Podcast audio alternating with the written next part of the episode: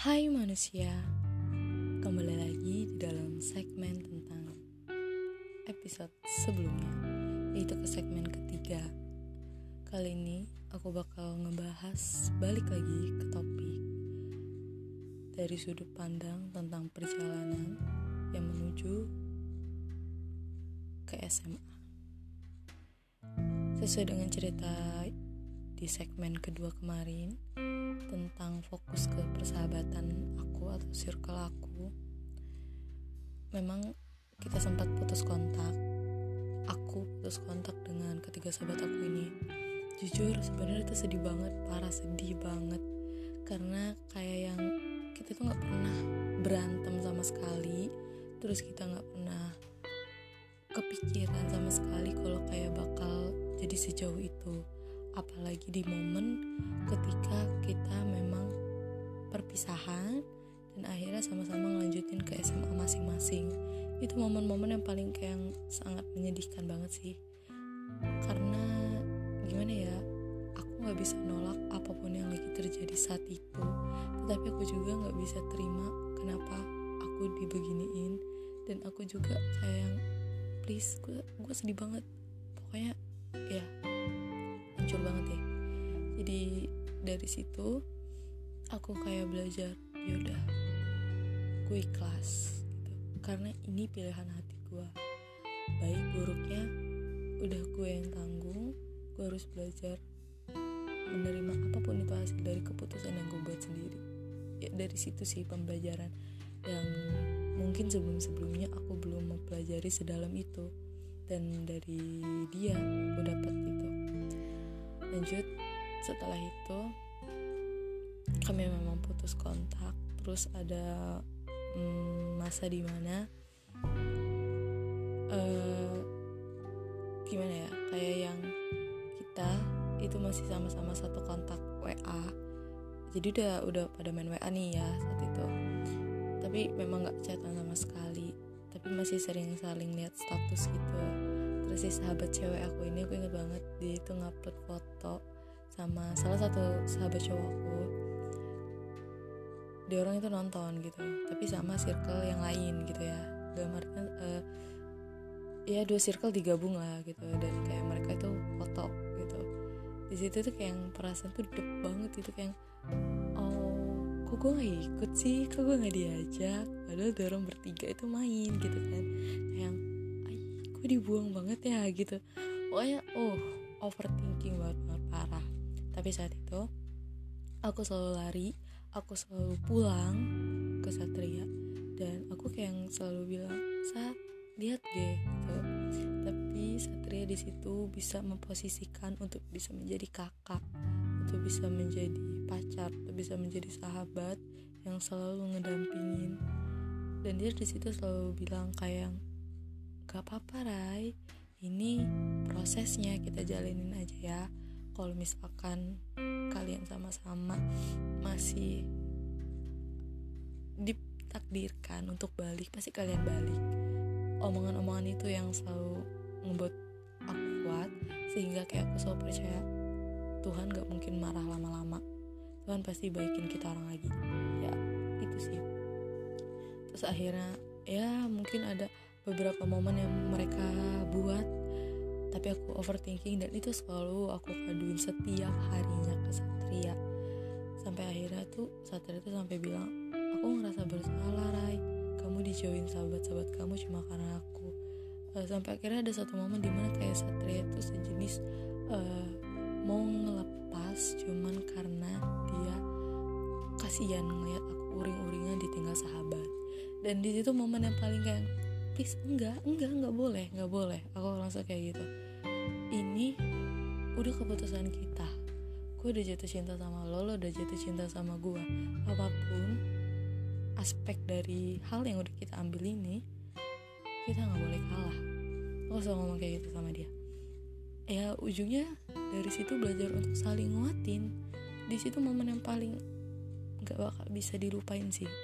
Perjuangan banget di mana gue tuh ngerasa sendirian tapi dia selalu ngerangkul dan datang dan nunjukin ada aku lah insya Allah aku bisa merangkul kamu bisa menjadi orang yang double supaya hadir di hidup kamu. Ya itu sih. Terus part-part yang overthinking banget saat itu. Lanjut waktu masa-masa mau masuk SMA sebenarnya aku udah pengen banget daftar salah satu SMA yang sama kayak mereka sahabat-sahabat aku. Tapi ternyata pemerintah itu ngajuin sistem zonasi atau sistem sekolah dengan jarak terdekat dari rumah gitu kan. Dari alamat rumah. Dan posisinya aku di tempat tinggal aku yang saat itu aku belum buat kartu keluarga baru. Sehingganya kartu keluarga aku itu masih alamat rumah lama. Dan mau nggak mau aku sekolah di daerah lain dan nggak sama mereka. Di situ itu ada momen yang menyedihkan banget karena wah bener-bener gak ada kesempatan ya buat bisa ketemu lagi gitu. Sampai aku berpikir kayak gitu apa yang kayak aku sampai berpikir apa bener-bener hilang habis ini gitu. Tapi aku ngerasa ya ini jalan aku ini takdir aku lu bisa Rai ya udah lu jalanin aja jadi akhirnya aku ikut sistem jonasi di SMA 1 dan alhamdulillahnya masuk. Teman-teman aku nggak ada yang tahu sama sekali kalau aku masuk SMA 1 karena mereka pada sadarnya aku masuk SMA 7 bareng-bareng mereka kan. Sampai akhirnya salah satu teman aku ada yang nanya lu masuk mana Rai? Aku jawab gue masuk SMA 1 ah seriusan? Gini udah saling ngobrol-ngobrol-ngobrol mungkin akhirnya uh, kesebar aku masuk SMA 1 dan mungkin kedengeran juga di telinga mereka dan denger-denger sih pas udah baik kan ya ternyata si sahabat cewek aku ini si Sonia ini nyari juga aku tuh masuk SMA mana. Speechless sih waktu tahu itu juga ya. Uh, udah gitu mau nggak mau aku pindah rumah kan dari alamat rumah yang lama. Aku pindah rumah ke alamat rumah aku yang sesungguhnya. Di situ bener-bener yang ninggalin rumah itu berat banget. Karena di situ semua kenangan. Kenangan dari sama doi kenangan sama teman-teman belum sama circle-circle yang lain gitu kan. Kenangan dari zaman SD pokoknya rumah itu selalu punya kenangan tersendiri di hati aku. Karena selalu jadi tempat base camp untuk ngumpul. Akhirnya mau gak mau aku katakan pada diri aku sendiri aku harus mulai hidup yang baru. Ini saatnya. Karena benar-benar aku di SMA 1 nggak punya teman sama sekali kecuali satu orang itu Siva. Jadi Siva itu teman aku dari kecil dan kami sama-sama masuk SMA 1 dan dia aja pegangan aku. Uh, aku pengen ngucapin ke Siva terima kasih banyak banget karena memang saat itu aku hanya punya dia gitu loh. Dan dia ngerangkul tanpa ninggalin nggak sama sekali ninggalin saat itu. Sampai akhirnya aku bisa beradaptasi sama teman-teman. Dan ya aku terima kasih banget sama Siva ya udah udah begitu ngejalanin masa-masa yang mungkin agak sulit kan di SMA masih terbayang-bayang sama mereka terus masih suka ada perasaan kayak ih pengen masuk SMA sama dia orang aja nggak mau di sini gitu. Karena ngerasanya bukan nggak bersyukur ya. Ngerasanya kayak aku tuh sayangnya sama mereka aku pengennya temenan sama mereka lagi aku nggak mau ganti teman gitu. Tapi aku tahu aku nggak bisa menentang hukum alam aku nggak bisa menentang semesta gitu kan. Ya udah akhirnya aku tetap jalanin aja dan ya belajar beradaptasi sampai akhirnya kalau nggak salah dapet empat hari apa seminggu ya dari hasil pengumuman PPDB itu. Akhirnya Sonia ini sahabat aku ngechat aku. Kalau nggak salah. Iya kayaknya ngechat dia dia nanya aku masuk SMA mana? Akhirnya aku jawab aku masuk SMA satu. Terus dari situ kaget dan dia di situ sedih. Dia bilang ya kita nggak satu SMA ya. Kalau nggak salah sih dia bilang kayak gitu. Terus akhirnya ngobrol-ngobrol-ngobrol-ngobrol terus udah saling minta maaf. Akhirnya dia ngajak ketemu. Dan dari hampir setahun lebih akhirnya kita ketemu. Akhirnya kita bisa komunikasi lagi. Di situ aku kayak ngerasa harapan aku untuk hidup itu ada lagi gitu ya. Kayak gak Tuhan gak jahat. Tuhan ternyata baik gitu kan. Akhirnya kita ketemu terus kita kalau nggak salah main iya kita main time zone. Ya kita main time zone. Dan saat itu pas kita main itu sama sekali nggak ada rasa canggung sama sekali. Sama sekali nggak ada rasa kayak aku pengen marah sama dia. Enggak terus dia pengen marah sama aku? Enggak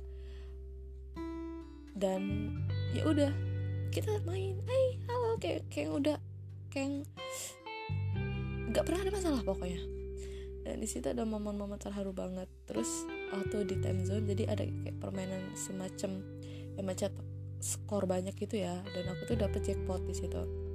Akhirnya ditukar ditukar dapatlah banyak hadiah termasuk hadiah bantal. Bantal segi empat. Dan di situ bantal tuh gambar ayam. Aku memang yang menang game itu. Terus aku bilang San mau lu apa gue yang bawa?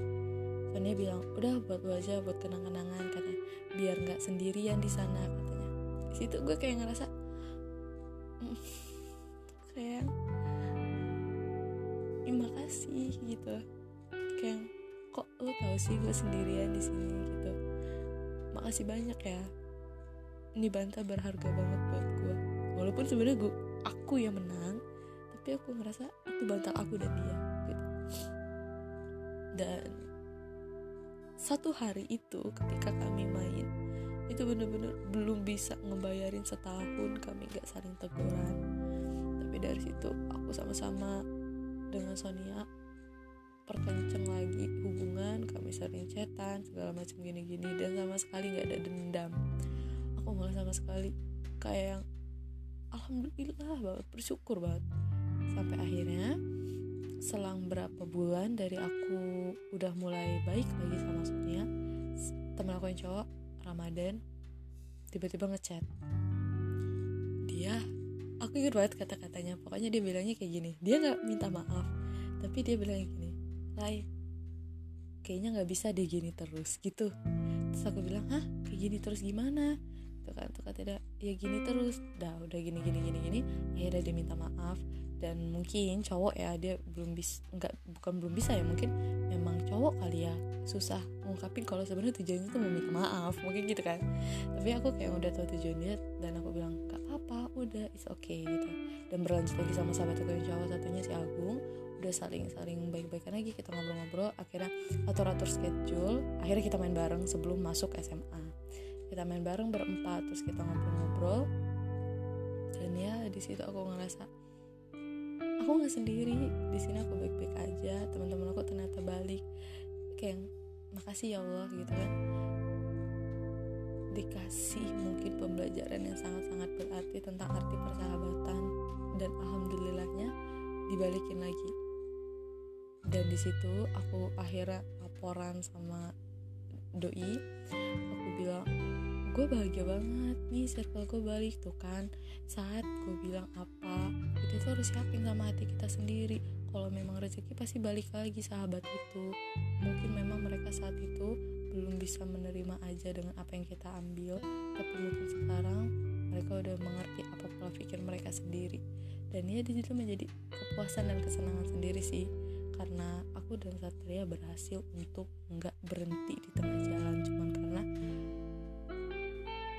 aspek dari apa yang kami ambil keputusan waktu itu. Oke lanjut. Udah kayak gitu akhirnya aku juga berusaha untuk perbaikin hubungan satrianya dengan sahabat aku pelan-pelan walaupun mungkin ada aja gitu ya.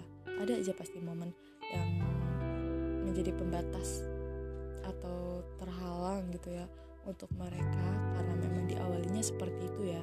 Jadi agak sulit tapi aku tetap kadang kalau lagi nongkrong atau lagi ngobrol atau apa aku kadang ngasih ke pengertian ke sahabat aku ini untuk gue di sini bahagia kok kamu orang jangan khawatir ya insya Allah gue aman gitu. Gue di sini seneng kok sama dia gue sayang sama dia dia juga memperlakukan gue dengan baik gitu.